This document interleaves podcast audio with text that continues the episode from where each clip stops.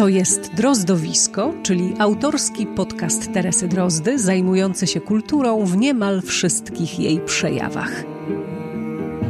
Drozdowisko to teatr, literatura, piosenka i film. To rozmowy z twórczymi ludźmi. To kulturalne podróże po Polsce i Czechach. To wspomnienia o ludziach kultury i dużo archiwaliów. Drozdowisko to po prostu ja, Teresa Drozda.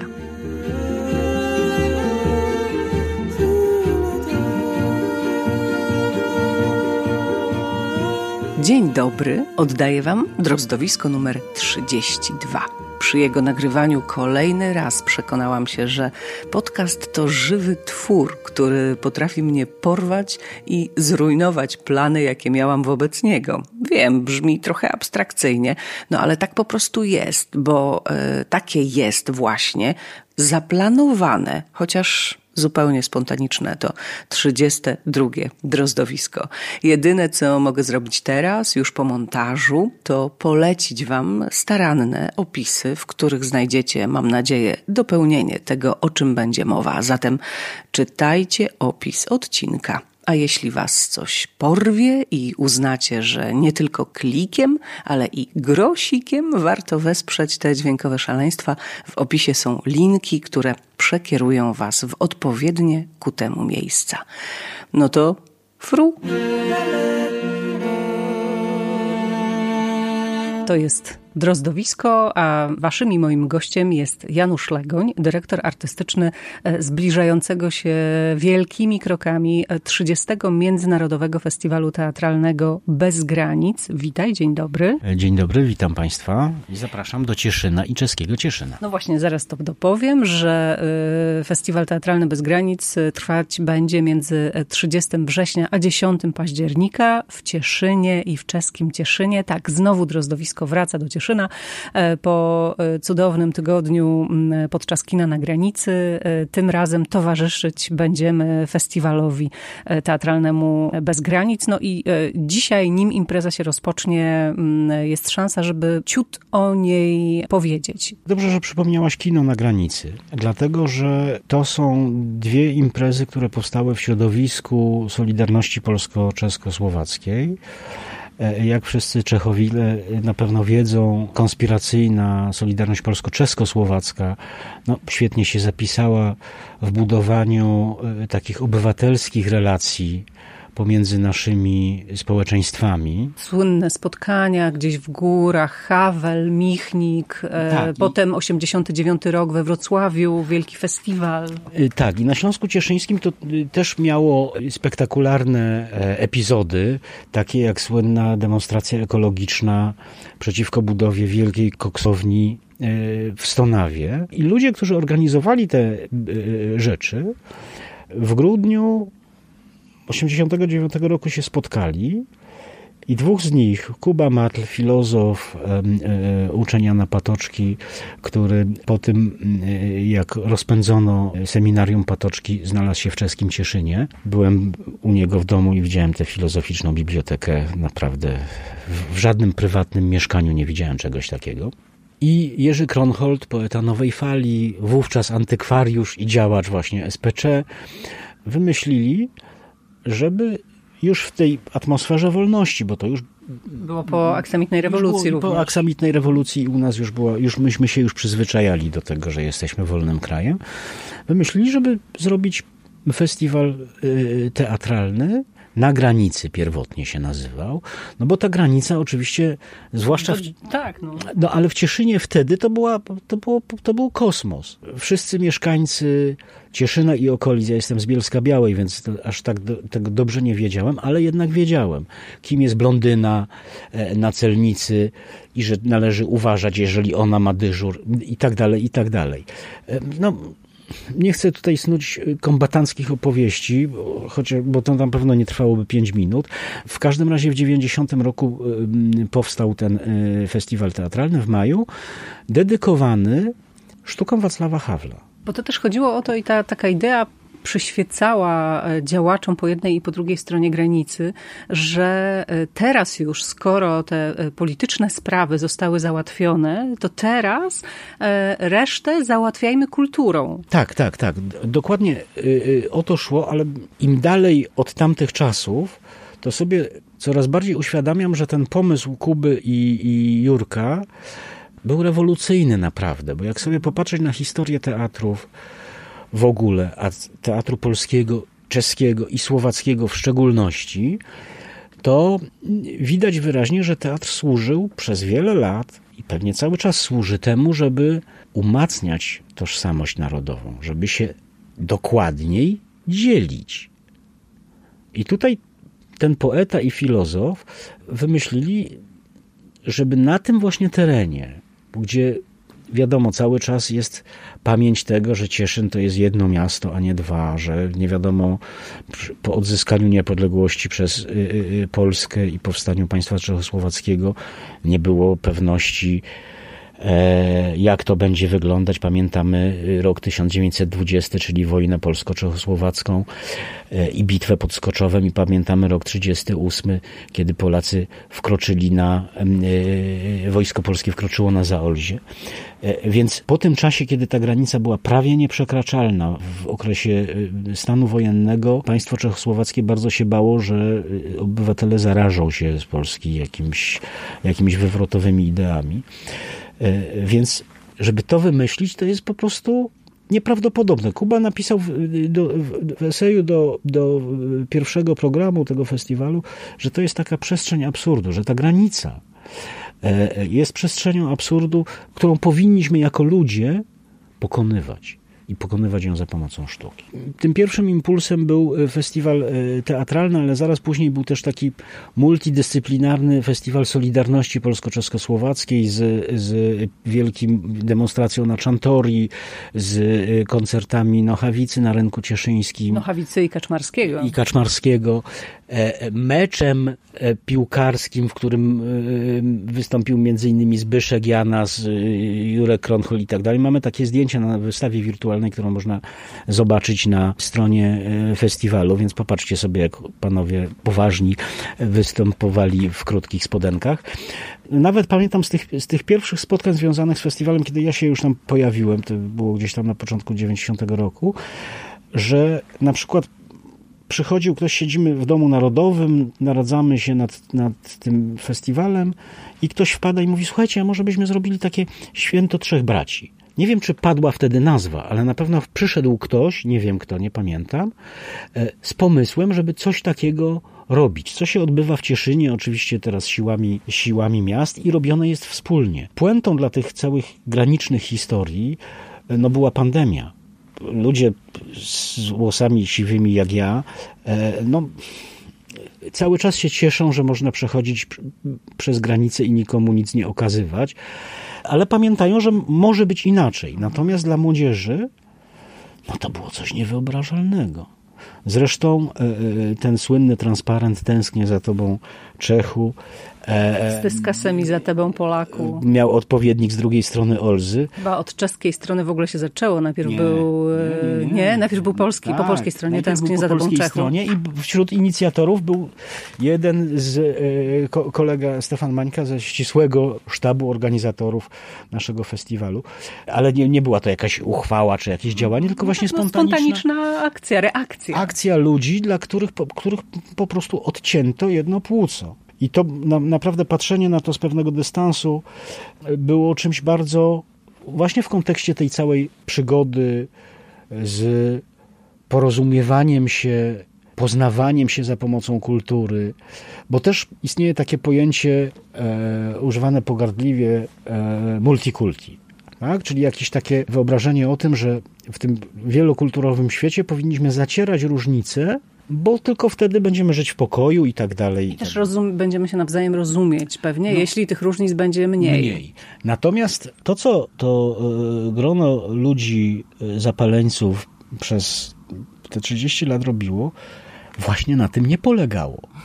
To znaczy, my się tak dobrze znamy, że również świetnie znamy swoje wady, nie tylko prywatne, ale i narodowe, i nam to nie przeszkadza. To znaczy, jakby tutaj jest taka i to się ukształtowało jakoś nieprogramowo, to po prostu z, z y, temperamentu tych ludzi, jak Gertruda Chowaniokowa, Jurek Herma, Marian Dębiniok. To mówię tylko, wymienię tylko osoby, Roman Rozbroj, które yy, były na świeczniku, odpowiadały za ten festiwal. Ladisław Sliwa, niedawno, nie tak dawno zmarły dyrektor Cieszyńskiego Diwa dla tłumacz języka polskiego, bardzo mm, ciekawa postać że ci wszyscy ludzie, nie umawiając się, nie walcząc o jakieś granty cały czas, bo to cały czas jest organizowane przez organizacje pozarządowe, no robili coś właśnie jakby nie tylko wbrew e, e, tej tradycji teatralnej, że umacniamy tożsamość, ale też takiej odruchowej postawie, że nasze ma być na wierzchu. E, ale ponieważ się lubimy, chociaż wszystko o sobie wiemy, to no zobacz, oni tam mają coś ciekawego. Nie? Na zasadzie to, to jest troszkę inna fascynacja niż y, y, prezentuje wielu czechofilów w Polsce. Tak? Gdzie jest jakiś przez, przez odmienność, rozpoznawanie odmienności y, tego, co niesie, przynosi dla nam, Polakom, kultura czeska, spotkanie z kulturą czeską, słowacką, jakby opisujemy swoje wady, tak? Że jakby widzimy, że... Podoba się nam to, czego nie ma u nas. Tak, że, to, że oni mają to, czego nam brakuje, to przyglądanie się sobie wzajemnie, tłumaczenie, to jest właściwie moje doświadczenie z tego festiwalu, że ciągle coś sobie tłumaczymy. Nie? Trzeba Czechom wytłumaczyć, dlaczego dla nas dziady Mickiewicza na przykład są ważne. Mówię dla przykładu. A oni nam muszą wytłumaczyć, dlaczego nam przywieźli na festiwal babiczkę Bożeny Niemcowej te różnice kulturowe w tradycjach kulturowych są bardzo duże, bo my tak naprawdę nic o sobie nie wiemy. Niewielu zna się na czeskim, czy w ogóle potrafi docenić czeski surrealizm. Myśmy tak silnego nurtu tego rodzaju w ogóle nie mieli w kulturze polskiej. Są oczywiście poszczególni artyści, no ale tam to jest, jak dobrze wiesz, wielka i w fotografii, i w poezji, i tak dalej, i tak dalej. Tak, w malarstwie, w literaturze, tak. Wielki po prostu nurt, który cały czas oddziaływuje, oddziaływuje nawet w formie e, e, słynnego Jary Zimmermana, nie? To też jest jakiś po prostu, jakieś echo e, e surrealizmu. No tak, y, biorę oddech i trochę ci chcę wejść w słowo, bo żeglujemy w zupełnie inną stronę i może kiedyś by się nam udało rzeczywiście usiąść e, też w trochę innych warunkach i o tym porozmawiać. To znaczy o tym e, twoim długoletnim przyglądaniu się czeskiej kulturze, ale też e, współpracy z e, czeskimi partnerami, bo ja myślę, że no, sporo rzeczy widziałam po tej czeskiej stronie i w teatrze, i w filmie, i jeśli idzie o sztukę, o malarstwo, ale jednak no, mam dużo mniejsze doświadczenie i z pewnością tej historii zwłaszcza nie znam. Dość dobrze się poruszam w tym, co jest tu i teraz. Natomiast mm, nie widzę wszystkich odniesień, wszystkich linków, e, e, wszystkich cytatów, właśnie wszystkich inspiracji, wszystkich nawiązań do tradycji. E, więc może jeszcze będzie okazja, żeby o tym pogadać, ale teraz już przejdźmy do tego 30 mm, festiwalu. Czy on po tej pandemii, po tej przerwie pandemicznej, bo w ubiegłym roku się nie odbył, mm, jest inny, jest skromniejszy, czy jest po prostu taki, jaki by był, gdyby pandemii nie było? No nie jest taki, jaki by był, gdyby pandemii nie było, choćby dlatego, że na przykład sponsorzy mm, Jasne, są dużo ostrożniejsi. Są ostrożniejsi, więc tym bardziej dziękujemy tym, którzy, którzy nas wsparli. No są te ograniczenia i oczywiście ten lęk przed tym, co się wydarzyło, no myśmy mieli szczęście, że, że ten lockdown jesienny w ubiegłym roku jeszcze był na tyle odległy od terminu naszego festiwalu, że nie ponieśliśmy kosztów ale na przykład kino na granicy po prostu... Tak, tydzień przed imprezą tydzień musiało przed odwołać. Imprezą. Więc, więc, yy, więc cały, czas ta, cały czas ta obawa jest. Jest oczywiście, no, no, no są te, też już ciągle dostajemy pytania, a jak przekraczać granice, co trzeba... Yy, przygotowujemy jakiś, no żeby w miarę był aktualny, jakąś instrukcję dla widzów. No bo właśnie, mamy maseczki w Polsce, już każdy, kto w Polsce chodzi do teatru w tym czasie, to wie, że musi mieć maseczkę na widowni. A w Czechach musi mieć respirator. No, już widzę, że Państwo już chcieli przyjść do, do, do nas na, na, przedstawienia e, po, po, po czeskiej stronie e, Olzy. E, I już jesteście przerażeni, no bo skąd wziąć respirator? Otóż w Czechach respirator to jest ta maseczka FFP2, ta bardziej zaawansowana i to jest najniższy standard e, który trzeba mieć, żeby móc wejść e, do teatru. Do teatru, do sklepu, do komunikacji miejskiej, po prostu ten respirator, czyli tę maseczkę FFP2 trzeba mieć wszędzie. Także no, no to jest taka e, rzecz, z którą się musimy liczyć. W związku z tym nawet na imprezy bezpłatne prosimy, żeby pobierać wejściówki przez naszą stronę internetową, bo my wtedy możemy kontrolować, czy, czy spełniamy też limity miejsc i tak dalej, i tak dalej. Więc to jest cały, cała ta... Trochę innego rodzaju logistyka. Ta sanitarna logistyka, można powiedzieć to są takie niespodzianki. Natomiast na prawdziwe niespodzianki to są rzeczywiście, y, y, y, to jest to, że ten, ten program udało nam się zrobić dosyć bogaty. A największa niespodzianka, to chyba, no nie wiem, no czysty przypadek, nieplanowana zupełnie rzecz. Bo jak wiadomo, festiwal teatralny to jest, trzeba zgrać na przykład kwestię montażu dekoracji, na scenie, która przy, w przypadku niektórych przedstawień może trwać nawet kilka dni. Jak będzie z Pokorą, która otwiera festiwal, przedstawienie Teatru Śląskiego według Szczepana Twardocha. E, no więc zaplanowaliśmy na 5 października protest z Teatru Dramatycznego. Znakomite przedstawienie. Z rozkoszą obejrzę je kolejny raz. E, świetne połączenie. Ja byłem na premierze i po prostu buty mi spadły, bo tak to rezonowało w dzisiejszej Polsce, myślę, że też e, w Cieszynie. No i to są, myśmy dopiero kilka dni temu odkryli, odkryliśmy, naprawdę kompromitacja, że to są 85. urodziny Wacława Hawla. W tym roku mija e, w grudniu 10. rocznica też jego śmierci, co już mm, widzieliśmy wcześniej. Natomiast to, że akurat trafia nam się w ten dzień ten spektakl, E, e, to czysty przypadek. Naprawdę. Tak, a to z kolei pięknie też nawiązuje do tego pierwszego festiwalu, e, który dedykowany był w całości Wacławowi Hawlowi i jego teatrowi, to znaczy sztukom, które napisał i które wreszcie mogły być grane i w Czechach, i w Polsce. I na ten pierwszy festiwal teatralny na granicy przyjechało też kilka właśnie tych tak, tekstów. Ja nawet nie pamiętam ile, ale rzeczywiście można było obejrzeć trzy audiencje. Mówię tak teraz na rybkę. E, bo myśmy sobie później powiedzieli, że nigdy więcej. Nie dlatego, że przestaliśmy lubić Wacława Hawla, no ale jednak e, e, oglądanie trzech inscenizacji tej samej sztuki to jest naprawdę zadanie dla specjalistów. Nie? A więc od... Tak, a nie dla zwykłej publiczności, tak, prawda? Tak, tak. Bo to jest też cecha specjalna tego festiwalu od lat, że w odróżnieniu od wielu innych festiwali teatralnych, które często są nastawione dla, na, na, specjalistów, na środowisko, wszyscy tam ludzie teatru lubimy jeździć, bo się spotkamy z wszystkimi, e, to tutaj jednak głównym widzem jest ten widz lokalny. No bo cały czas wiemy to, że te granice istnieją. Tak? E, I ten problem z tym, że można spotkać młodego człowieka który w Cieszynie, który nigdy nie był w czeskim Cieszynie, e, istnieje. I, I jakby chcemy też dla tej publiczności e, no, no stworzyć jej szansę na spotkanie się z najlepszymi przedstawieniami z różnych krajów. Też pilnujemy tego, żeby mniej więcej odpowiadały sobie gatunki. Ale na przykład właśnie a propos programu tegorocznego festiwalu mamy po raz kolejny, chyba trzeci z kolei, nie z kolei, ale trzeci w ostatnich latach, tam od 2015, e, Cyrkla Putyka. E, świetny praski zespół, jeden z najlepszych e, e, teatrów należących do nurtu nowego cyrku. Który, Obłędny zupełnie. Którego wiesz, ale szukałem jakiegoś odpowiednika w Polsce. Jest kilka zespołów, które przyznają się do tego nurtu nowego cyrku. No ale to jeszcze chyba na drugi jeszcze za wcześnie, jak pisano kiedyś w poczcie literackiej w przekroju, czy w życiu literackim.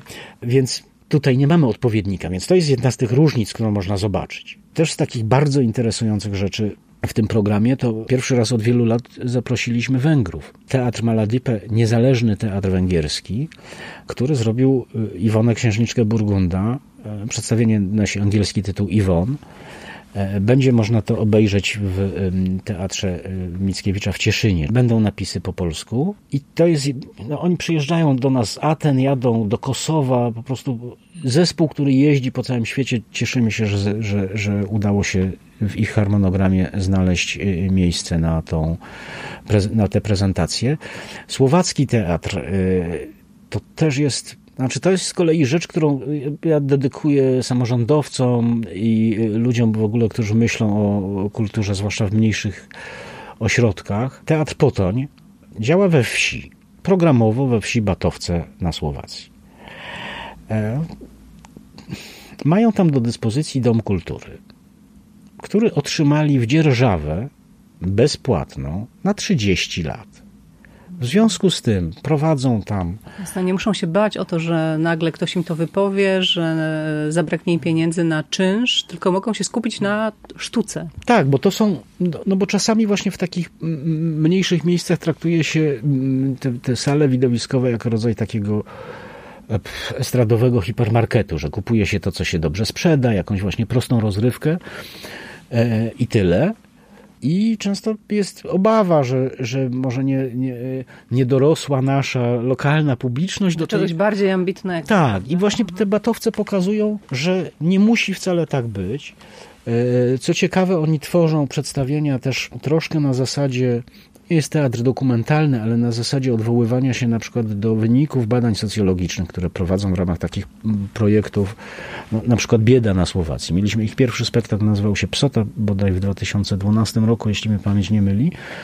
Teraz zapraszamy ich z spektaklem Swing Heil, o takiej mało znanej, no to może być dla Ciebie interesujące, nie wiem, czy znasz tę historię, że, że y, była w III Rzeszy subkultura, wyznawców swingu i jazzu. I to miało charakter opozycyjny i rzeczywiście oni się ze swoimi e, e, złośliwie tych swoich kolegów z Hitlerjugend pozdrawiali właśnie podobno tym Swing Heil. To jest udokumentowane, to nie jest fikcja. Więc nasi przyjaciele z Teatru Potoń zaprezentują, to też można obejrzeć w Teatrze imienia Mickiewicza w Cieszynie. Po drugiej stronie Olzy będzie Husa na Prowasku to jest w ogóle, no to chyba każdy słyszał o takim czeskim teatrze od lat 60., działającym w tej chwili brneński, pochodzi z Brna. Oni przywożą nam chyba najostrzejszy politycznie czy społecznie spektakl. Nazywa się Gadziowie idą do nieba.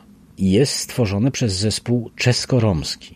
Tym, co się interesują sprawami Czech i Słowacji, nie trzeba tłumaczyć, jak wielki problem społeczny wiąże się z, z e, Romami e, w tych krajach. Właśnie jak mówi Jiří Hawelka, twórca tego przedstawienia, no to się ociera o rasizm. To, to będzie piękne przedstawienie z muzyką, więc to będzie też na pewno wielka przyjemność, żeby po prostu na tym być.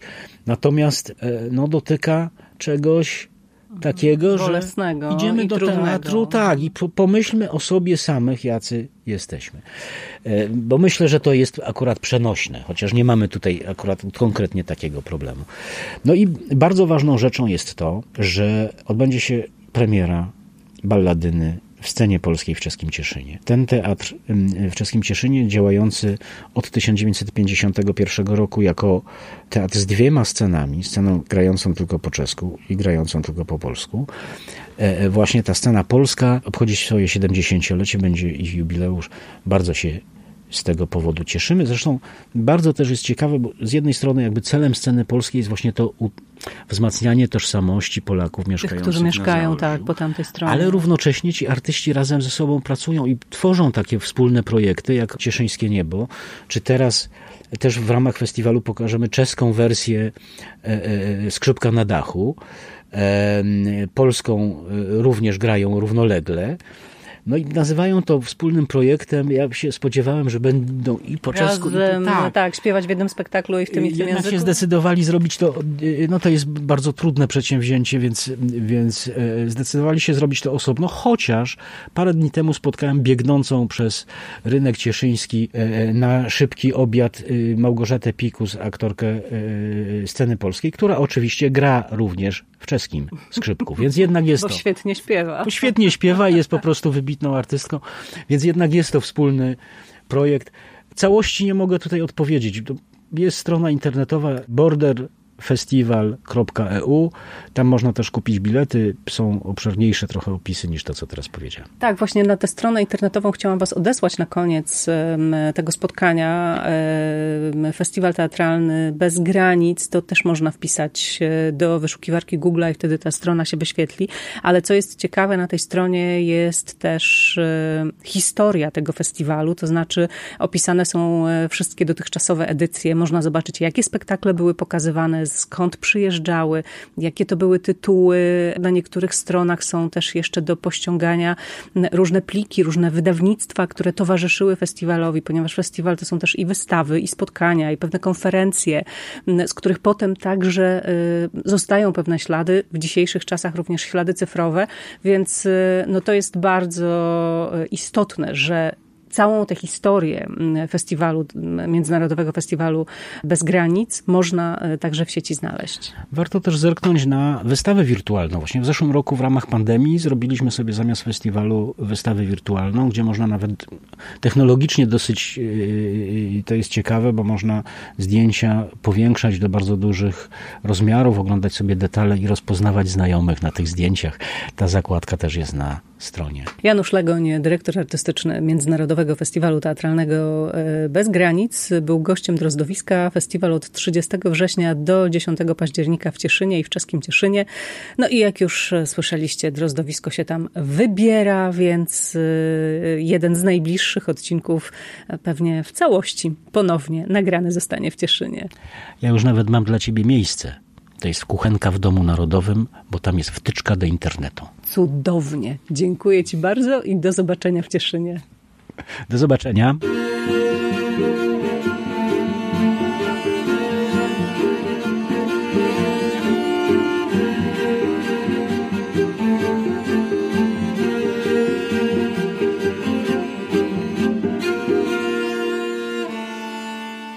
Między 23 a 26 września 2021 roku w Pradze trwały międzynarodowe targi książki Swiet Knichy.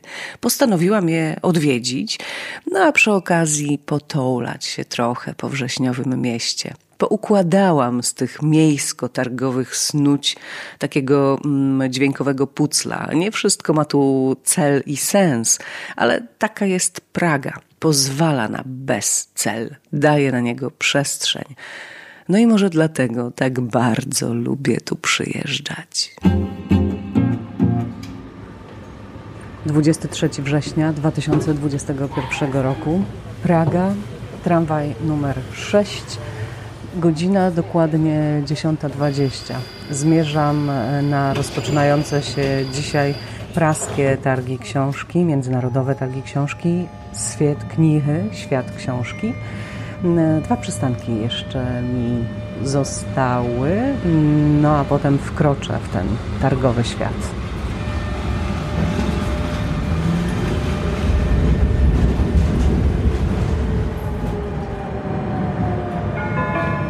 Veletržní palác, příští zastávka, výstaviště. Výstaviště Příští zastávka nádraží Holešovice. Wysiadamy. To wystawiście to jest y, piękna hala wystawowa, wybudowana mm, na przełomie XIX i XX wieku, ale y, to jest też w ogóle ogromny kompleks i tych hal wystawowych jest tu mm, więcej. Obok także mieści się e, planetarium, e, a również lapidarium Muzeum Narodowego. E, no i to jest taki kompleks składający się z bardzo wielu budynków, natomiast targi książki odbywają się w tej głównej hali wystawowej, która zresztą mm, w części spłonęła kilkanaście już chyba nawet lat temu, nie została odbudowana, nie do końca są na to pieniądze. W związku z tym ona jest y, przykryta y, takim namiotem i tylko część tego wnętrza zachowała swój charakter. Trochę inne są te praskie targi niż warszawskie, ale mają statut tych najważniejszych międzynarodowych targów książki. W tym roku, w roku 2021, gościem honorowym tych targów jest e, Francja. Natomiast e, przed rokiem, w roku 2020, gościem honorowym praskich targów książki miała być Polska. Podobnie jak Czechy miały być e, gościem honorowym targów książki w Warszawie w roku 2020 i ta czeska rezydencja czy obecność na warszawskich targach książki została o rok przesunięta. Natomiast niestety e, Polska nie mogła zostać przesunięta o rok, ponieważ umowy podpisane przez organizatorów tych praskich targów książki były podpisane o kilka lat do przodu. No i była umowa na to, że jednak w roku 2021 Francja będzie tym gościem honorowym. E, targi te ubiegłoroczne z 2020 roku były kilka razy przekładane. W końcu się nie odbyły w ogóle. Ten polski program targowy został przeprowadzony w pewnej części w wersji online i ciągle to są e, materiały i nagrania, które e, można w internecie znaleźć. Natomiast oczywiście jest tutaj polskie stoisko i do niego także się udam.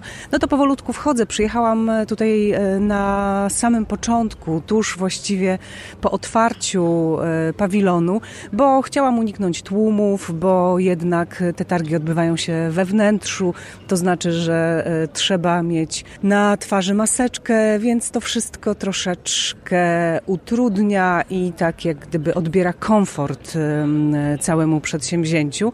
No niemniej uznałam, że przyjechać należy, wejść należy i być może również uda się coś nagrać. Natomiast przed tą halą wystawową jest też oczywiście ogromna przestrzeń.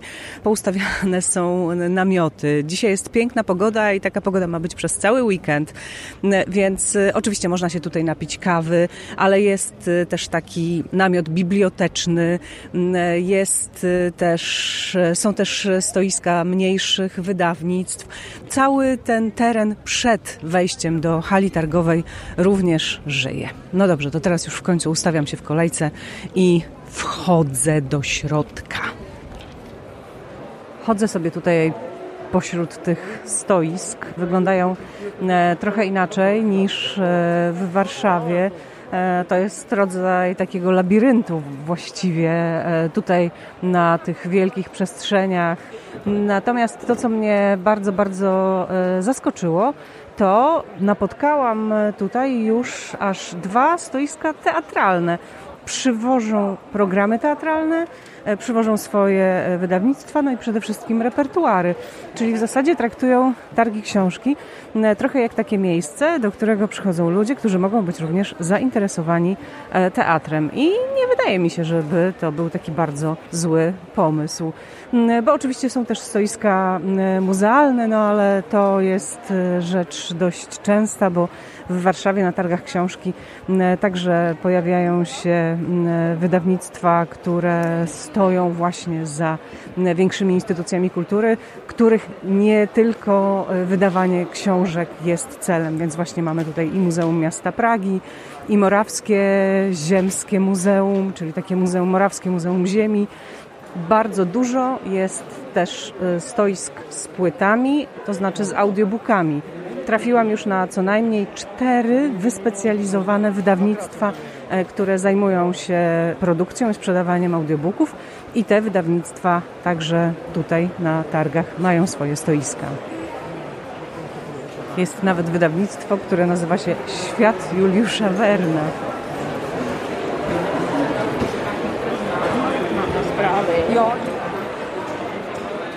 Ahoj, dobrý den. Ja jsem z Polska a vidím už nejaké, nevím, jak, jak se to říká v češtině, to stoisko, a od divadla, tak co dělá divadlo na, knižním veletrhu? No? My máme knihy, máme e, Sláva a pád krále Otakara, 100 let Rokoko, Grillparcla. Jasně, a, jsou to, a to jsou to knihy... E... které vydáváme my, jako Městská divadla Pražská, prodáváme je i u nás e, v divadle a proto jsme tady. Navíc e, veletrh knižní je spojený e, samozřejmě se scénářema nebo e, s knihama, podle kterých se vlastně píšou ty scénáře, podle knih a studují se potom ty divadelní hry. Takže pořád to je to spojení, proč veletrh s divadlem jako dohromady. Pani z e, miejskich teatrów praskich, ABC Komedie Rokoko, to jest taka trójscena, e, mówi, że e, po pierwsze teatr jest na targach książki dlatego, że wydaje książki. Sam jest po prostu wydawcą i to są teksty sztuk teatralnych, na przykład Dawida Drabka, który jest dyrektorem artystycznym tej sceny. Jego sztuki są na tych scenach grane, ale są też książki poświęcone historii teatru. To po pierwsze pierwsze. No a po drugie przecież na targach książki jest mnóstwo książek, które są adaptowane na deski teatralne i stąd e, jest także mm, coś w rodzaju połączenia e, czy takiego współistnienia właśnie e, teatru i książek i targów książki, na których są po prostu wszystkie książki, jakie tylko można sobie wyobrazić. No ja sam tak to myślała, także dziękuję za tą informację. Záložka, záložka. Zakładka, zakładka do książki, a to jest? Slevový kód. Slev, a, kód, e, kód je to až do promocyjny. 2022 a když zadáte ten kód, tak vám sleví z ceny 50% a můžete přijít k nám do divadla kdykoliv, třeba i v létě.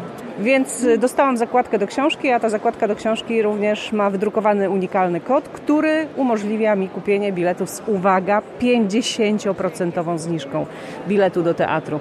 No to jednak y, jest sens teatrów na targach książki, protože w Polsku to není.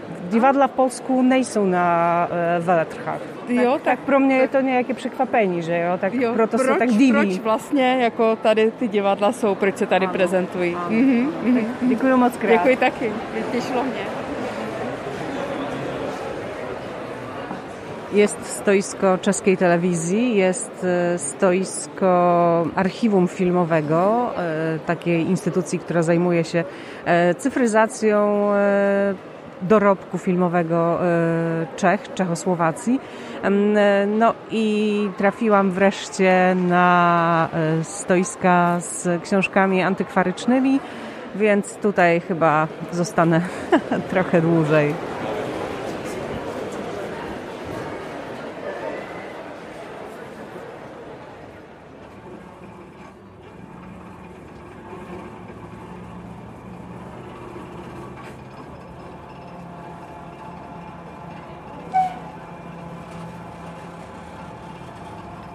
Ten dziwny hałas, który słyszycie, to jest dźwięk praskiego metronomu.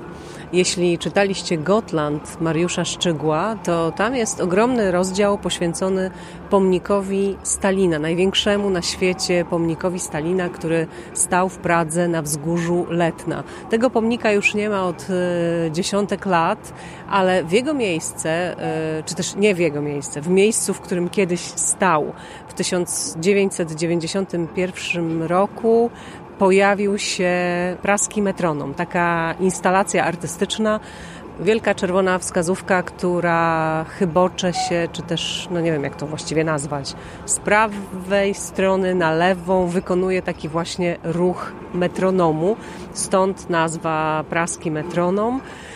I stojąc sobie tutaj, e, z tego miejsca jest też wspaniały widok na całą Pragę, więc e, to jest też takie miejsce, e, do którego bardzo często docierają turyści i miejsce, z którego robi się naprawdę wspaniałe zdjęcia. No a historię czuć tutaj naprawdę na każdym kroku. To jeszcze chwilę posłuchajcie sobie tego metronomowego, metronomowego hałasu. O, tak.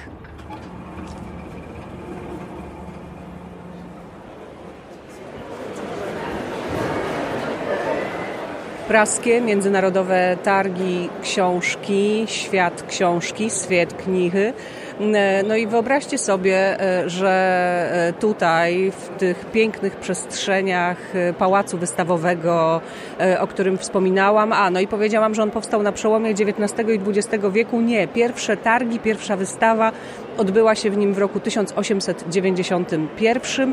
No więc w tych pięknych przestrzeniach pałacu wystawowego w Pradze spotykam, wyobraźcie sobie, czechosferę, to jest pseudonim instagramowy Agnieszki Witczak. Witaj, dzień dobry. Dzień dobry Tereso, witam serdecznie. Bardzo się cieszę, że Cię spotkałam, zupełnie przez przypadek. No właśnie, a co Ty tu robisz? No jestem na targach. Naprawdę przyjechałaś na targi książki do Pragi. Dlaczego? Naprawdę przyjechałam y, na targi książki do Pragi z tego względu, że uwielbiam czeską literaturę. Uwielbiam ją czytać w oryginale, a że mówić nie potrafię, to chociaż sobie doczytam. A e, masz jakieś e, ulubione wydawnictwa albo ulubionych autorów? Czytasz rzeczy, które są nieprzełożone na polski też? Czytam rzeczy, które są nieprzełożone na polski. Najbardziej lubię wydawnictwo Host, Host z Brna. E, więc już widzę ich tutaj z góry. Tak, i... właśnie, bo my tutaj tak. stoimy sobie, słuchajcie, w tym pałacu wystawowym, on ma tutaj takie różne mm, zakamarki i zakątki i my sobie stanęłyśmy na takim balkonie, z którego mamy widok na jedną część e, całego tego salonu wystawowego i dokładnie pod nami jest host. Tak, właśnie miejsce idealne i myślę, że coś sobie tam dla siebie znajdę. Szukam też y, nowego chorzawy. Mateja Chorzawy. W Polsce pokazała się Palinka, teraz napisał książkę o Gruzji. E, no i nie wiem, może coś mnie zauroczy, może jeszcze coś dla siebie znajdę. Wiem, że tam jest jeszcze wydawnictwo Paseki, Paseka, e, Paseka, Paseka więc też tam na pewno to stoisko odwiedzę. A to jest Twoja pierwsza wizyta na targach książki w Pradze, czy już e, byłaś? Nie, to jest mój debiut na targach w Pradze. Zamierzałam przyjechać w zeszłym roku, ale wiadomo, COVID i te sprawy. No tak, no rok 2020, wtedy kiedy Polska miała być gościem honorowym tutaj w Pradze, te targi się nie odbyły. Wszyscy strasznie z tego powodu rozpaczaliśmy. Właśnie, właśnie i ta e, przyjemność bycia gościem honorowym z Polski e, nas minęła. No i niestety musimy się e, taką, z takim słabiutkim programem w tym roku zadowolić, ale byłam w Ostrawie na targach książki, malusieńkich, kameralnych, też było sympatycznie. No bo rozumiem, że też przyjechałaś tutaj posłuchać spotkań, tak? Z e, czeskimi pisarzami. Tak, no niestety tylko jeden dzień. E, będę na, na spotkaniu z Józefem Pankiem. E, ale moim takim e, must have jest spotkanie z Karin Lednicką, e, autorką książek, dwóch książek na razie, Krzywy Kościół, a to z tego względu, że mieszkam niedaleko Karwiny, no i te historie, to miejsce jest mi jakoś tak szczególnie znane i jestem bardzo ciekawa, co opowie na tym spotkaniu.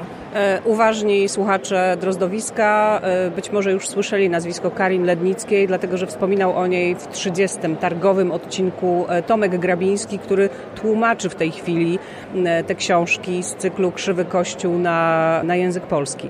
No ale mm, ty jesteś też e, nie tylko instagramową propagatorką czeskiej literatury, ale też e, taką bardzo realną propagatorką tej literatury.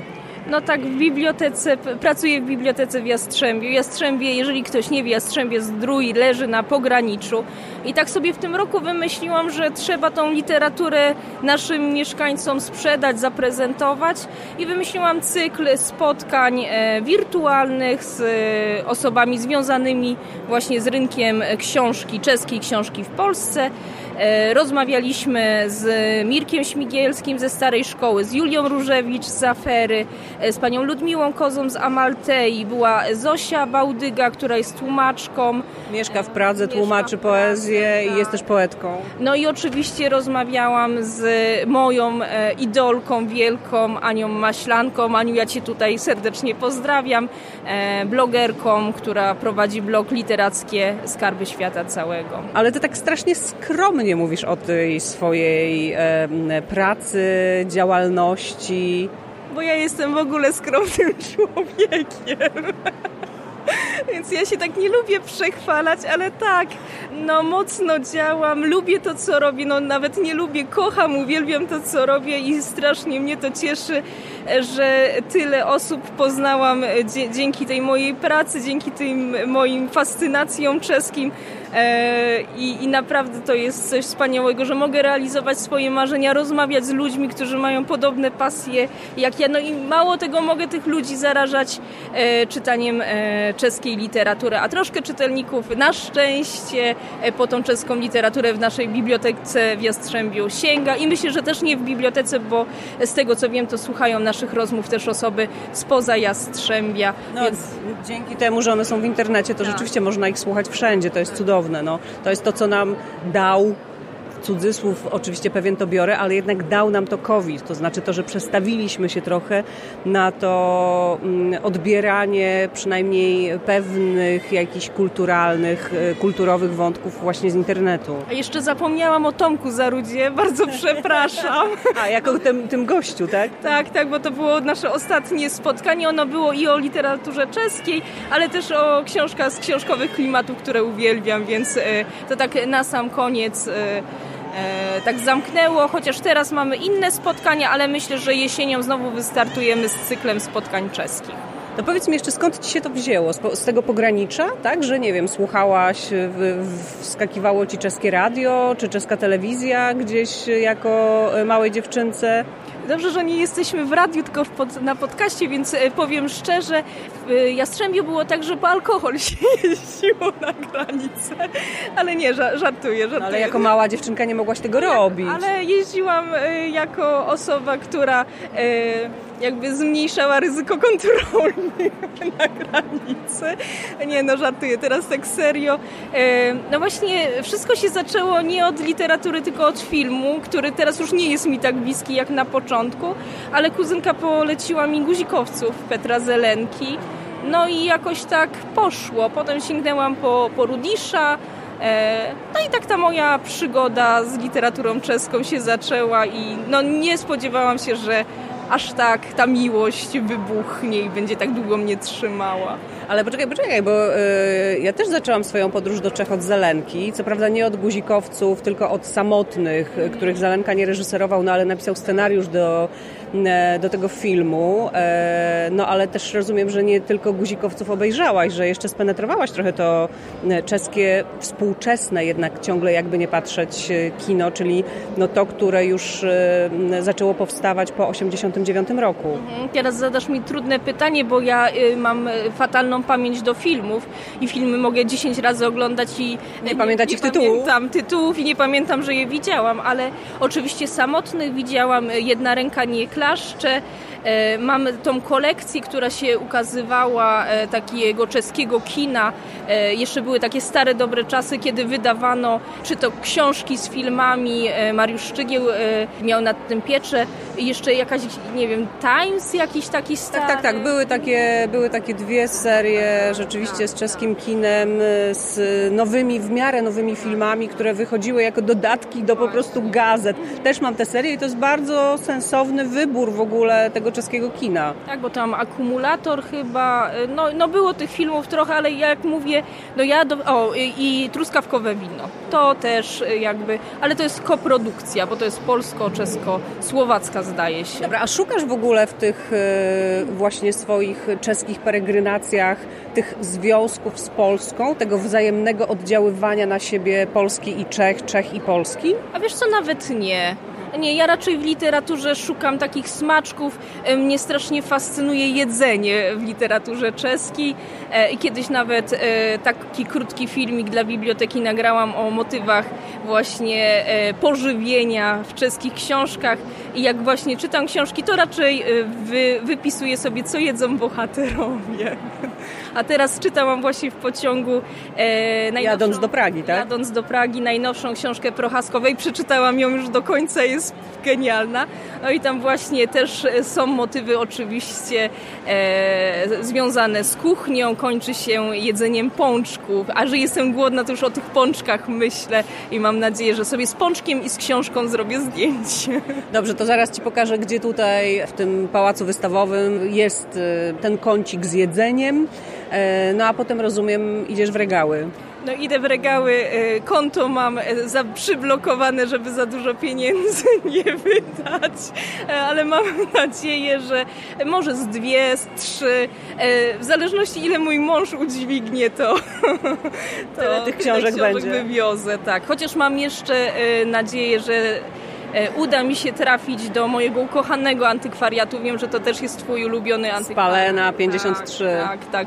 Więc tak sobie myślę, że tutaj może dwie, a e, jakby pomogę w rozwoju i w utrzymaniu się tego małego, pięknego e, miejsca. E, tam e, między tymi filarami, gdzie widzisz napis Narodna Knichowna, tam jest też stoisko antykwaryczne. Ja tam wczoraj kupiłam książkę Oty Pawla e, wielkości pudełka zapałek. O, no to zaraz tam pobiegnę E, możesz biec ze mną, będziesz świadkiem mojej klęski, bo wydam wszystkie pieniądze na pewno. No i rozumiem, że wszystko to, co kupisz, znajdzie się później także na Twoim profilu na Instagramie. Czechosfera, polecam Wam, obserwujcie, mm, e, bo tam można szukać e, inspiracji związanych z czeską literaturą. Agnieszka Witczak, spotkana przypadkiem na targach książki w Pradze, była gościem Drozdowiska. Bardzo Ci dziękuję i to jest po prostu obłęd, że my się tutaj spotykamy.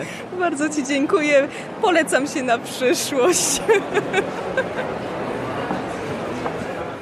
praskie targi książki. E, jak słyszycie, jest troszeczkę ciszej, bo z moim kolejnym gościem wyszłam e, przed e, halę wystawową. Anna Milic, która w Pradze już mieszka od wielu, wielu lat i właściwie już jesteś trochę półczeszką, co? Trochę tak.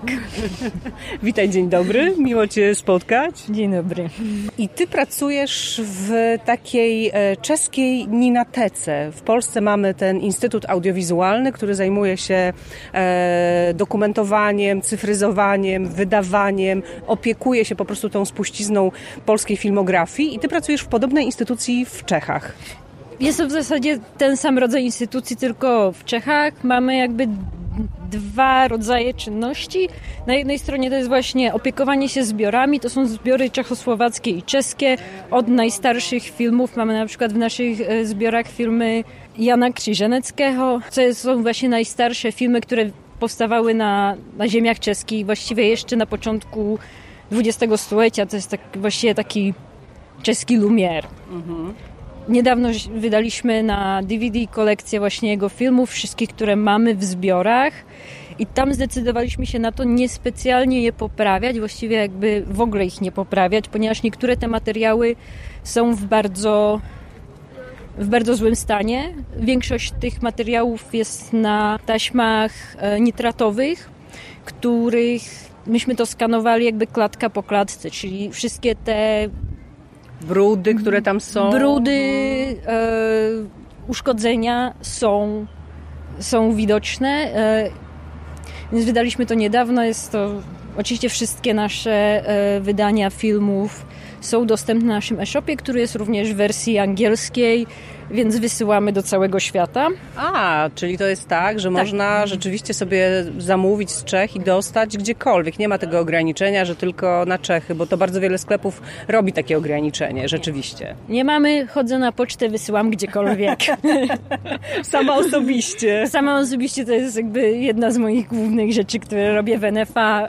Właśnie jestem na targach, jestem na różnych jarmarkach.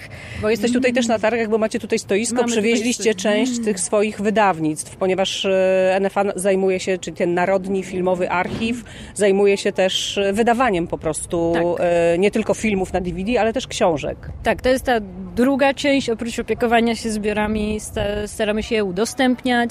Wydajemy filmy, wydajemy je na DVD lub na Blu-rayach. W tym roku wydaliśmy film Wierni zostaneme, czyli to jest film, który jest o pilotach e, w Anglii w czasie II wojny światowej, pilotach WRAF. I do tego jest drugie DVD, e, na którym są jak się powie filmy, sprawod sprawodajski film? To są mm, dokumenty... Do, dokumenty z tamtego czasu, tak? Takie, info, takie po prostu wiadomości, wiadomości, informacyjne filmy. Tak, e, z frontów, nie tylko z archiwów naszych, ale również z archiwów brytyjskich. To jest swoją drogą projekt naszej kuratorki Iwony Łyko drugiej Polki, która pracuje u nas w Narodowym Archiwum Filmowym. E, poczekamy aż przejdą dzieci? Możemy poczekać aż przejdą dzieci. A dzieci też przychodzą na e, targi książki. No nie ma się czemu dziwić tych stoisk z grami planszowymi, z książkami dla dzieci. Jest rzeczywiście bardzo dużo i tu jakaś szkolka nam właśnie wchodzi. Zresztą jest zwyczajnie tutaj, że głównie w te czwartki, ale też e, w piątki, te pierwsze dwa dni targów jakby szkoły chodzą na wycieczki, poznają, to są właściwie jakby te pierwsze dwa dni, to są głównie szkoły oraz bibliotekarze. No tak, i dopiero to w, w Warszawie, czy w ogóle chyba w Polsce jest podobnie. Jeżeli targi trwają 4 dni, to rzeczywiście te dwa pierwsze dni są takie bardziej branżowe, a te drugie dwa trochę bardziej targowo-kiermaszowe, że się trochę więcej książek sprzedaje, jest więcej autorów, którzy te książki podpisują. Tak, to w Warszawie jest bardzo podobnie. Co wrócimy jeszcze do naszych wydań. Więc e, wszystkie nasze DVD mają angielskie napisy. Więc nie ma problemu, jeśli nie mówicie po czesku, ale mów, rozumiecie angielski, w tym momencie nie ma problemu. A mamy jeszcze jedną rzecz. Mamy kanał na YouTubie, który nazywa się Czeska Filmowa Klasyka. Ma również, tam jest jeden playlist, który nazywa się Czech Classic i to są filmy, które są English friendly, bądź są to filmy nieme, bądź też są to filmy e, z angielskimi napisami. I myślisz, że tutaj nie ma ograniczeń terytorialnych? To znaczy, że można y, w Polsce, na polskim internecie to oglądać? Tak. A większość tych filmów nie ma ograniczeń. Tam jest oczywiście kwestia praw, szczególnie tych filmów od lat 60., 70., ponieważ niektóre są w koprodukcji, na przykład z FAMU, z szkołą filmową, tam zawsze z tymi prawami jest to skomplikowane, ale większość naszego kanału nie ma ograniczeń terytorialnych i wydaje mi się, że ten angielski, angielski playlist Tak wymyślony, żeby można go było oglądać na całym świecie. To jest świetna, świetna, świetna inicjatywa. Mamy tam filmy, mamy tam filmy propagandowe, tudzież reklamowe. Mamy bardzo ładny film, myślę, że z lat 60. o produkcji plastiku i rzeczy z plastiku. To jest ten moment, kiedy plastik był fascynującym materiałem do wszystkiego. Jest to tak krótki film, więc e, jest tam trochę tej, tej klasyki. Oprócz tego nasze filmy e, da się widzieć w Polsce na przykład niektóre z nich, z tych klasyków mamy na Netflixie, niektóre są dostępne na polskiej wersji Da Films i wydaje mi się, że jeszcze na niektórych innych VOD e, są nasze filmy, staramy się sprzedawać również za granicę. Tak, no to jest, y, to jest zawsze to pytanie, gdzie i jak można te czeskie filmy y, oglądać, ale tymi informacjami się ludzie na różnych grupach czechofilskich także wymieniają, więc mam nadzieję, że ta nasza rozmowa także tam trafi i e, będzie dobrym przewodnikiem. Ja podlinkuję, postaram się podlinkować wszystko to, o czym powiedziałaś. Mm, e, No ale też powiedzmy, ponieważ ja się tutaj dzisiaj spotkałam z instagramerko-facebookowiczkami, no to powiedzmy, że ty też jesteś instagramerką e, i o tym, o czym teraz rozmawiamy, czyli o tym, e, co proponuje e, Narodni Archiw Filmowy, też piszesz o tym na swoim Instagramie, aczkolwiek oczywiście nie tylko o tym, bo po prostu zajmujesz się książkami, czytasz książki, o tych książkach też na tym swoim Instagramie piszesz. Piszę. Znaczy, muszę przyznać, że jakby od dwóch, trzech miesięcy nie było tam małego postu, głównie pojawiają się we stories, gdzie staram się wrzucać praktycznie wszystko, wszystko co czytam. Wcześniej zajmowałam, znaczy czytałam dużo literatury czeskiej, ale właściwie w ostatnich latach e, bardziej jestem zorientowana na brytyjską, irlandzką literaturę. Tłumaczoną na czeski, tak? Większość, tak, tłumaczoną na czeski. Niektóre rzeczy nowiejsze czytam w oryginale, ale już bardzo długo czytam literaturę światową w tłumaczeniach na czeski, ponieważ jest to łatwiejsze do zdobycia tutaj. I zdecydowanie czytam o wiele, wiele więcej po czesku. Z prawdą, że po polsku czytam tak dwie książki rocznie. Ostatnie, co czytałam po polsku, to jest nowa książka Marty Dzido, która jest fantastyczna, ale pierwszą książkę Marty Dzido, którą czytałam, czyli Friday, czytałam tutaj po czesku, czytałam go w świetnym przekładzie, w świetnym tłumaczeniu Anny Plasowej. Więc e, gdybyście mieli ochotę zaobserwować e, profil e, Ani, to też Wam go bardzo polecam, instagramowy, zwłaszcza dla tych, którzy są tacy, powiedziałabym, bardziej hardkorowi czesko. Mlada polska bohemistka, dobrze pamiętam? Młoda polska bohemistka. Już nie taka młoda, ale Ale ciągle to pasuje, nie zmieniamy tego profilu. Są tacy, którzy są do niego bardzo przyzwyczajeni, E, więc tam też możecie szukać e, inspiracji, najróżniejszych inspiracji e, Czechami czeską literaturą. Ania też odpowiada na mm, informacje, bo my właściwie korespondencję prowadzimy głównie przez Instagram naszą, więc e, czy jest... myśmy się tak nie poznały? Możliwe, że myśmy się w ogóle poznały przez Instagram. Tak może być. Jest to możliwe, ja już nie pamiętam. Chwilę to już trwa, aczkolwiek spotykamy się naprawdę e, od Wielkiego Dzwonu i, i w zasadzie od święta, więc cieszę się, że e, te targi, na które przyjechałam, bez jakiegoś specjalnego celu czy zadania, też nam takie spotkanie mm, e, umożliwiły. Anna Milic, bardzo Ci dziękuję za te informacje na temat czeskiej Ninateki, bo, e, bo one się mogą okazać nam bardzo przydatne. Narodowe Archiwum Filmowe, oficjalne tłumaczenie na polski. Dziękuję. praskie targi książki, międzynarodowe targi książki, Świat Knichy, Świat Książki.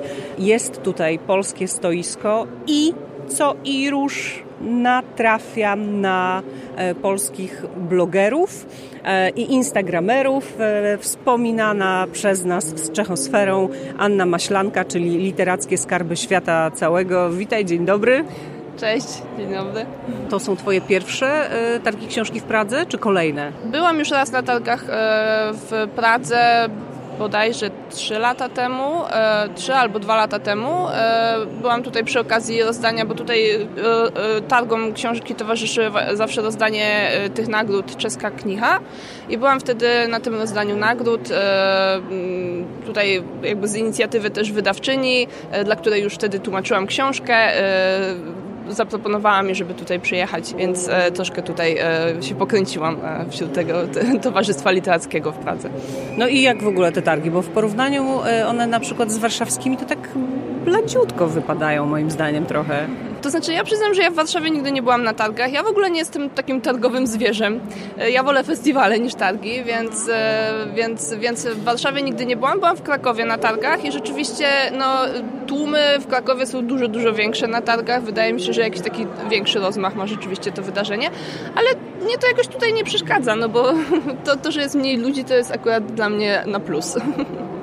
No dobra, a jak patrzysz na te e, relacje polsko-czeskie, literackie relacje e, polsko-czeskie? Mówi się od, od dłuższego czasu, że jest pewna dysproporcja e, zainteresowania, jeśli chodzi o zainteresowanie Czechów polską literaturą i Polaków czeską. Jednak ta czeska literatura no, jest w Polsce określana jako swego rodzaju fenomen, jest popularna rzeczywiście, a tutaj w Czechach no to, to jest po prostu jedna z wielu przykładowych literatur literatur y, jakby niczym się specjalnym w oczach czeskich czytelników nie wyróżnia. Teraz właśnie robię taki projekt y, dotyczący właśnie recepcji literatury, projekt naukowy dotyczący recepcji literatury y, polskiej w Czechach. Jest, wynika z tych moich rozmów, które głównie przeprowadzam rozmowy z wydawcami tej literatury, z tłumaczami i wynika z tych rozmów, że ta literatura jest postrzegana raczej jako taka literatura dosyć trudna, intelektualna, nie dla każdego, no a ponieważ społeczeństwo społeczeństwo czeskie y, no jest dosyć rozczytane, ale czyta taką literaturę raczej popularną, no to ta literatura polska pozostaje tutaj pewną niszą. Mimo, że tych polskich książek się tak naprawdę, gdyby porównać e, tytułami, e, e, w Czechach ich wychodzi więcej, mimo że to jest kraj cztery razy od Polski mniejszy, no to chyba nie postawię tezy, że cztery razy więcej polskich książek tłumaczy się na czeski, ale mm, jakieś 50% więcej, bo myślę, że w Polsce wychodzi rocznie około 30-40 pewnie tytułów, a w Czechach około 100. Tak, to znaczy jeśli chodzi o te dane dotyczące tych przykładów, y, one uwzględniają wszystkie książki, nie tylko beletrystykę, więc to są też różnego rodzaju poradniki, też różnego rodzaju inna literatura. Literatura dla dzieci polska jest dosyć popularna w Czechach, tutaj to jest ciekawe. Więc, y, więc tak, więc tych książek rzeczywiście jest dużo sumarycznie. Jasne, czyli a ty się skupiasz na beletrystyce, tak? Na tym odbiorze takiej tego czym literatura jest na tym swoim najbardziej podstawowym poziomie? Staram się patrzeć szeroko, ale rzeczywiście rozmawiam głównie z wydawcami, jednak i tłumaczami tej literatury, e, tej literatury artystycznej. Natomiast e, jeśli chodzi o właśnie te liczby tych książek polskich, które tutaj wychodzą, to też e, wszyscy moi rozmówcy podkreślają, że bardzo aktywny jest Instytut Książki rzeczywiście, że rzeczywiście aktywnie wspiera te promocje, że Polski Instytut w Pradze tutaj też robi bardzo dobrą robotę, jeśli chodzi o promocję, że naprawdę to, co da się zrobić, biorąc pod uwagę jakby umiarkowane zainteresowanie Czechów polską literaturą i kulturą, to naprawdę robią w 100%. A co Cię najbardziej zaskoczyło w tych rozmowach z e, tłumaczami na przykład polskiej literatury na czeski? Nie wiem, czy to było takie duże zaskoczenie, ale e, zwykle jest tak, że ci tłumacze to nie są jacyś e, fascynaci wiel, wielcy tą kulturą, w sensie, że to wychodzi dosyć przypadkiem, że oni... Że Akurat oni, po co tak, coś tak, zaczynają tłumaczyć. tak, Nieźle. Tą, tą polską literaturą zaczęli się zajmować, że to w ogóle nie było tak, że po prostu jakaś miłość, że w ogóle zaczęli czytać polskich autorów i się po prostu zakochali w nich, postanowili się nauczyć języka. E, nie wiem, ja tak trochę patrzę przez pryzmat siebie, bo ja tak na przykład miałam z czeską literaturą, ja po prostu zaczęło się wszystko od Hlawala i to po prostu była wielka miłość potem. Natomiast, e, natomiast ci polscy tłumaczy z, z literatury polskiej oczywiście, oczywiście wiadomo, wkręcili się już w ten świat, jakby docenili tą literaturę później, ale to, że jakby weszli w ten świat, to często była kwestia przypadku. To, tak, to rzeczywiście to jest bardzo ciekawe, zwłaszcza, że kiedy rozmawiam w Polsce z tłumaczami, e, nie tylko literatury czeskiej, ale no właśnie powiedzmy takich troszkę niszowych literatur, nie mówimy o literaturze anglojęzycznej, e, rozmawiam z tłumaczami, ale rozmawiam też z wydawcami i oni mówią, tak, no to tłumacze do nas przychodzą i mówią, Jezu, to jest wspaniała książka, ja Ci przetłumaczę kawałek albo opowiem Ci, o czym ona jest i po prostu zróbmy coś, żeby ona mogła się ukazać po polsku. I że to bardzo często od tłumacza wychodzi ta inicjatywa, jaka książka się po polsku ukaże. Tutaj też tak jest, że jakby generalnie tłumacz jest takim, taką osobą, do której się idzie, jeżeli na przykład szuka się czegoś i kogo się pyta o radę, czy to na przykład się nadaje do wydania, czy nie, to to na pewno tak. Natomiast właśnie miałam też takie pytanie w swoim zestawie pytań, czy zdarza im się walczyć o tą książkę na przykład, że jest coś takiego, co bardzo chcieliby, żeby wyszło i idą do wydawcy i na przykład rozmawiają z nimi, przekonują go, że to musi wyjść na przykład. Ja Ci przetłumaczę to, ale koniecznie tak. wydaj jeszcze to na przykład, prawda? Tak, tak, tak. No i generalnie niewiele jest takich sytuacji, jakby nie, nie, nie za bardzo. Twierdzili, że nie za bardzo, że generalnie to raczej wydawcy do nich przychodzą, że raczej im proponują coś, więc oni już teraz, dla, dla nich to jest wygodne, bo oni też nie muszą jakby szukać tych nowych propozycji wydawniczych, nowych propozycji do przekładu dla siebie. Więc raczej to już tak, jak już, jak już ktoś wejdzie w ten rytm, to raczej, raczej to już tak sobie płynie, że po prostu te propozycje spływają i tłumaczy to, co e, jakby nie ma właśnie jakiejś takiej misji wielkiej kulturalnej, żeby po prostu tych i tych autorów tutaj na ten czeski rynek zaszczepić. No nieźle. A kiedy się ten Twój projekt naukowy kończy i czym on się ma skończyć? E, więc projekt generalnie się dzieli na dwie części i ta pierwsza część to jest praska, ona się kończy już w tę niedzielę, już wyjeżdżam z Pragi w niedzielę. Potem jestem jeszcze dwa tygodnie w Brnie i będę potem jeszcze w Brnie prowadzić tego typu rozmowy. To jest na przykład siedziba wydawnictwa Host, z którym też chciałabym porozmawiać, e, siedziba wydawnictwa Wiedzy Nemlynej, które też wydaje polską literaturę. Dlatego wiedziałam, że tam jest trochę takich ludzi też w Brnie, z którymi chciałabym e, o tej polskiej literaturze porozmawiać. No i to wszystko, cały ten projekt mój trwa do 9 października. 2021 roku. Tak. Jesteśmy w podcaście, musimy to bardzo starannie precyzować. tak jest. I efektem ma być tekst naukowy. Takie jest na razie założenie, ale myślę, że mam tyle tego materiału na temat tej literatury polskiej tutaj w Czechach i jakby postrzegania jej ciekawego materiału, że chciałabym też to jakoś inaczej wykorzystać, więc myślę, że coś z tym na blogu jeszcze na pewno też zrobię. A teraz co, idziesz w regały, czy mm, już wszystko widziałaś e, tutaj w wystawowym pałacu e, w Pradze? E, no wszystkiego na pewno nie, ale jakby nie, też wolałabym się ograniczać, jeśli chodzi o zakupy, bo wiadomo, że też portfel nie jest bez dna, więc myślę... Książki są droższe w Czechach, prawda? Tak. Trochę niż w Polsce. Tak, tak, widać różnicę, tak, tak, tak, zdecydowanie. Dlatego raczej się skupiam tutaj na debatach też, bo tutaj są, jest szereg różnego rodzaju ciekawych wydarzeń związanych z targami, więc, a ja ze względu właśnie na ten swój projekt też chodzę na takie branżowe wydarzenia właśnie dotyczące czeskiego rynku książki, jak to tutaj wszystko wygląda. Teraz gościem honorowym jest Francja. Wczoraj była debata właśnie o tym, jak rynek książki wygląda w Czechach i we Francji, zwłaszcza teraz w tych czasach pandemicznych i popandemicznych. A teraz idę też jeszcze na takie dwie branżowe debaty. Jedna to będzie debata dotycząca wyboru laureatów Europejskiej Nagrody Literackiej, tej Nagrody Unii Europejskiej. Wybiera jury zawsze z tego danego kraju. Tutaj w Czechach w Czechach otrzymała Lucja Faulerowa, z tego co pamiętam, tą nagrodę w tym roku. Natomiast potem, potem na pewno chciałabym jeszcze dzisiaj pójść, jest bardzo fajna debata, myślę, że będzie fajna, na temat tego, czy czeska literatura ignoruje światowe trendy z udziałem między innymi Petry Hulowej.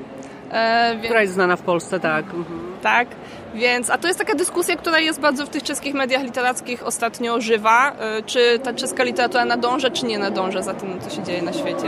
No, użyłaś pięknego sformułowania w czeskiej prasie literackiej. W Polsce chyba już nie ma prasy literackiej. Y Wydaje mi się, że wszędzie jest tym problem. Generalnie to jak się rozmawia z ludźmi, to wszyscy narzekają, że to, mie to miejsce na literaturę w e, prasie się zmniejsza, w ogóle na kulturę, że jest coraz mniej e, objętości, jakby, którą można wykorzystać, żeby o tych książkach opowiadać, więc e, wydaje mi się, że, że i tutaj, i tutaj jest nieciekawie. Zresztą ja jak słucham teraz tych debat, to też utwierdzam się w przekonaniu, że generalnie wszędzie, jeśli chodzi o książki, to e, jednak ta sytuacja się troszkę pogarsza, bo ludzie mają teraz dużo innych możliwości, czym mogą się zająć, dużo innych innych form rozrywek, więc to czytelnictwo jednak tak sobie wygląda wszędzie, nie tylko u nas.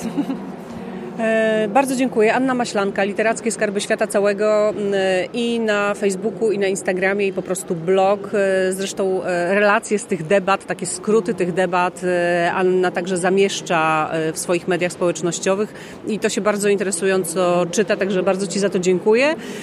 Dzięki za to spotkanie. No i do zobaczenia. Jak już ten tekst powstanie, to rozumiem, że on będzie jakoś dostępny i będzie można do niego sięgnąć i jeszcze się być może może czegoś dowiedzieć właśnie o tych polsko-czeskich relacjach literackich, e, co w przyszłości może się nam przydać. Tak, e, mam taką nadzieję właśnie jakby wiem, że to szumnie bardzo brzmi, ale myślę, że mimo wszystko każdy taki tekst troszeczkę nas przybliża do jakiegoś zrozumienia się nawzajem i może też dobrze robić naszemu, naszym kontaktom polsko-czeskim. Wielkie dzięki. E, rozmawiałyśmy w pewnym szumie, no ale jesteśmy tutaj w tej targowej przestrzeni, gdzie się dzieje bardzo dużo. Ona e, szumi, różne dźwięki się odbijają, ale mam nadzieję, że mm, każde nasze słowo słyszeliście.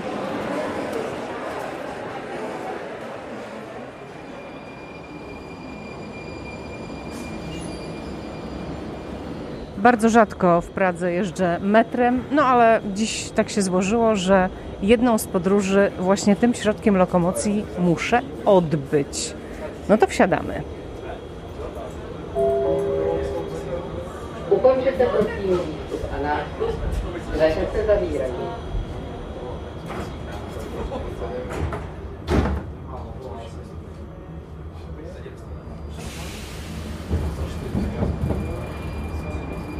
Technik, dann könnte man auch sagen,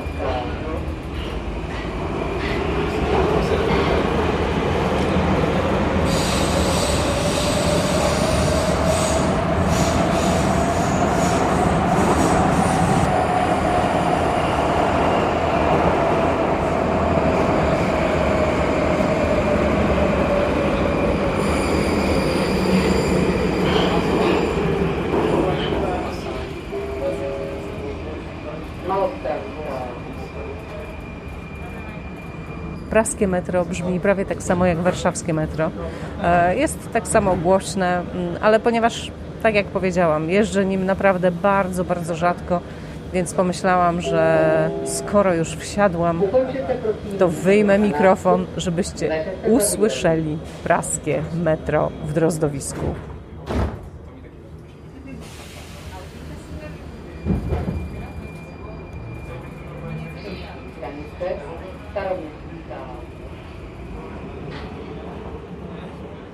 Praga, wrzesień 2021 roku i tym razem przyjechałam do Pragi e, z powodu, o czym już e, wiecie, e, targów książki, które się tutaj odbywają. Ale tak naprawdę te targi to był tylko pretekst. Każdy pretekst jest dobry, żeby przyjechać do Pragi. I tę część 32 drozdowiska nagrywam na Wełtawie. I teraz też dowiecie się, że do Pragi nie przyjechałam sama, ale nie przyjechałam też e, z Jackiem. Przyjechałam z moją koleżanką, podcasterką, dziennikarką, poetycką prozaiczką, wokalistką od czasu do czasu, chociaż coraz rzadziej, e, czyli z Miłką Malcan. Dzień dobry, witamy absolutnie z wody wełtawsko-bełtawskiej, bo ona nie jest jakoś specjalnie błękitna i czysta, natomiast widoki są takie, że e, jest nam trochę smutno, że to tylko głos ale e, też zdecydowałyśmy się na taki mikrorejsik po Wełtawie. Trochę mam wrażenie, żeby nakarmić e, dzieci, które w nas siedzą. trochę głupio wyglądamy, to prawda, ale jeżeli płynąć łabądkiem po jakiejś rzece i mieć e, pełne spektrum, nie wiem, wrażeniowe, to uważam, że Praga na łabędziu, na Wełtawie, tak, to wygląda dobrze. Tak, pożyczyłyśmy sobie, słuchajcie, e, łabędzia po prostu, e, żeby po tej, czyli taki, mm, to się nazywa rower wodny chyba, prawda? Taki rower wodny w kształcie łabędzia, i e, siedzimy sobie teraz na tym łabędziu, tuż przy moście Legii. Mamy przed sobą Teatr Narodowy i Slawię, więc jeśli na przykład ktoś z Was teraz siedzi w Slawii i pije kawę przy oknie z widokiem na Wełtawę, to my Wam właśnie teraz machamy Wyglądamy naprawdę głupio. Musimy wyglądać strasznie głupio. Oczywiście przed nami też Most Karola i e, Praskich Rad. E, jest spokój, bałyśmy się, że będzie bardzo mocno wiał wiatr, ale jest naprawdę niesamowicie przyjemnie. E, no i po prostu stwierdziłyśmy, że e, możemy się zachować trochę jak takie turystki i popływać sobie trochę po tej Pradze. A ty byłaś już kiedyś w Pradze? Pradze byłam raz, ale nic nie pamiętam, bo to jest miasto tak rzucające się na mózg, że potrafi wyciąć kadry, więc należy je sobie co jakiś czas przypominać. I to bardzo dobrze robi, bo wtedy dochodzą nowe kadry i niektóre się nakładają. Taki czeski film wtedy powstaje w głowie. Bardzo polecam, a z kolei taką wyprawę przez tutejsze, nie wiem, trasy rzeczne można sobie zrobić na dużym statku, bo patrzyłyśmy na takie statki, więc dla tych, którzy nie lubią małych pływadełek, jest coś dla tych, którzy e, chcieliby e, rozwinąć żeglarskie skrzydła na swój sposób. No i to wygląda trochę inaczej. Jednak Praga z tej perspektywy to jest trochę inne miasto. No a jakie w ogóle wrażenie na tobie zrobiła Praga, skoro jesteś tutaj po raz yy, yy, drugo pierwszy? Na szczęście mamy ładną pogodę, więc można się włóczyć w tej z powrotem i to jest prze cudowne, że to jest tak stare miasto i tak wielowarstwowe i te warstwy się na siebie nakładają, to też widać my nie mamy tak konsekwentnie dużych, wielkich, e, starych miast, które z tych e, zupełnie średniowiecznych warstw przechodzą w nowocześniejsze, w nowocześniejsze. Ja sobie oglądam to z zewnątrz i bardzo żałuję, że w, podczas tego kilku dni nie miałam możliwości łażenia na przykład po muzeach, ale sobie to zrobię, jak tylko zrobi się zimno albo będzie niedobra pogoda. Uważam, że zwiedzanie Pragi od tej strony wnętrzarskiej też może być fantastyczne. Tak mi to wygląda z zewnątrz. Tak myślę, że jest i e, tak, no rzeczywiście myśmy tutaj sobie ułożyły taki program bardziej spacerowy, nie, nie, e, nie ten program e, zwiedzaniowy, muzealny.